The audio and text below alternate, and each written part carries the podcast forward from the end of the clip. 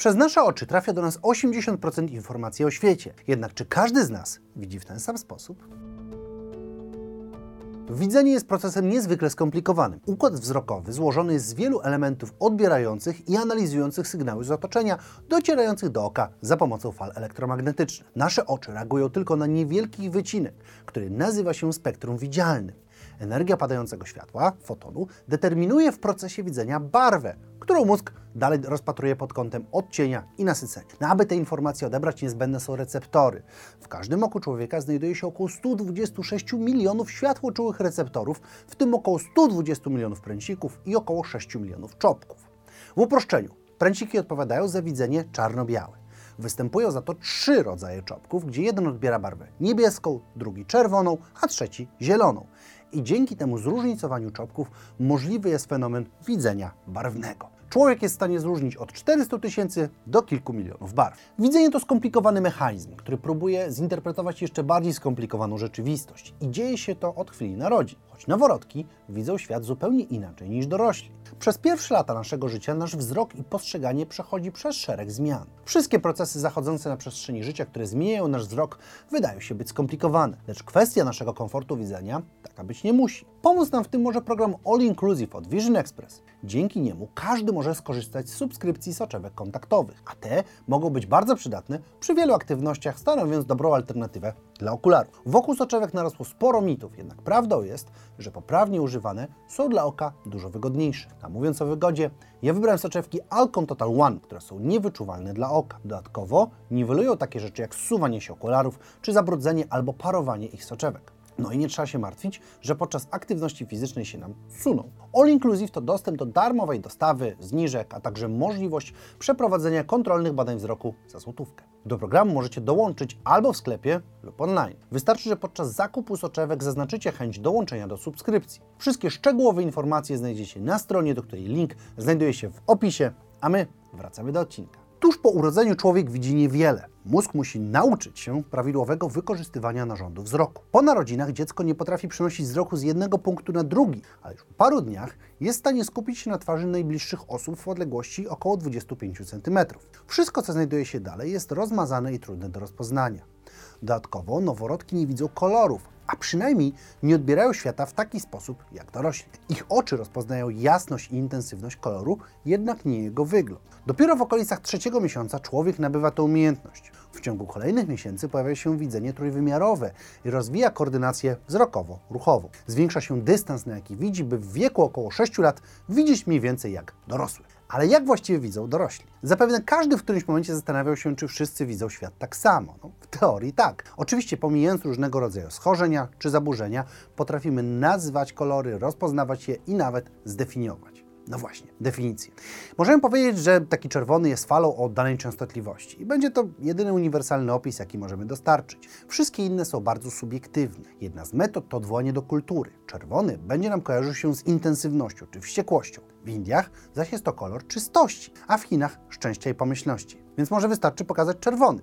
Z tym, że nie mamy pewności, że mój czerwony to wasz czerwony. Dodatkowo, niewielkie różnice w rozmieszczeniu receptorów ich budowie może zmienić długość fal, na jaką reaguje nasze oko, czyli zmieni się sygnał, który trafi do naszego mózgu, a ten może interpretować podane informacje na różne sposoby. Przez to kolor, który ja widzę jako zielony, może być przez kogoś innego postrzegany jako zupełnie inny.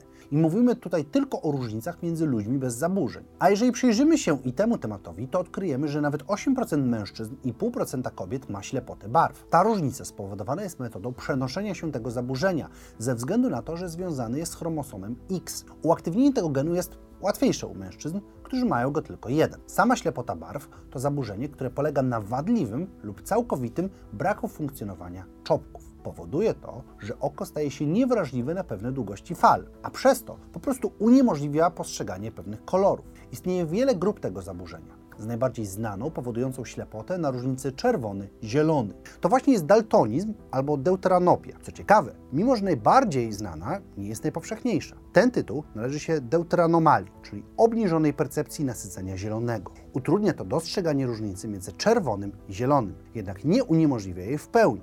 Inne zaburzenia to chociażby monochromacja, która uniemożliwia rozpoznawanie jakichkolwiek barw. Świat jest po prostu czarno-biały.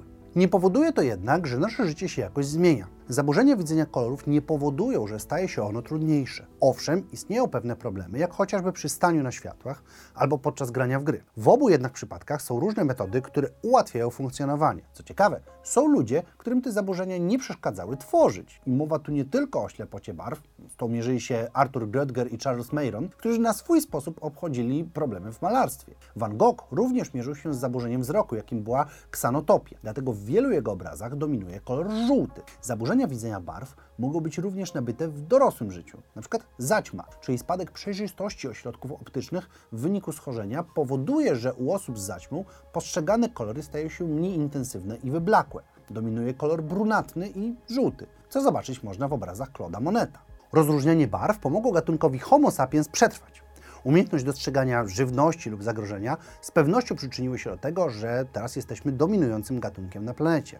Jednak dokładna analiza różnych znalezionych zapisków świadczy, że i na przestrzeni lat zmieniało się nasze postrzeganie świata tym kolorów. Weźmy na przykład taki kolor niebieski. Otóż wygląda na to, że nie jest on wcale taki stary. Analizując teksty ze starożytnej Grecji czy Chin, nie znajdziemy wspomnienia o kolorze niebieskim. Właściwie to żadna cywilizacja poza egipską nie miała słowa na niebieski przez wiele wieków. Był on porównywany do koloru wina, czy wręcz zestawiany z zielonym. Początkowo podejrzewano, że umiejętność widzenia koloru niebieskiego wyewoluowała w późniejszym momencie. Jednak badanie przeprowadzone w 2006 roku udowodniło, że odpowiedź może leżeć gdzie indziej. Do udziału w nim zaproszono członków plemienia Himba z Namibii. W ich języku nie istniało słowo na kolor niebieski, a raczej było one zamienne z tym opisującym kolor zielony. Następnie pokazano im 11 kwadratów, z których jeden był niebieski, a reszta zielona. Wszyscy badani mieli bardzo duży problem ze znalezieniem tego innego, mimo że dla nas różnica była oczywista. Badanie jednak się nie skończyło. Otóż język Himba posiada więcej niż jedno słowo na kolor zielony.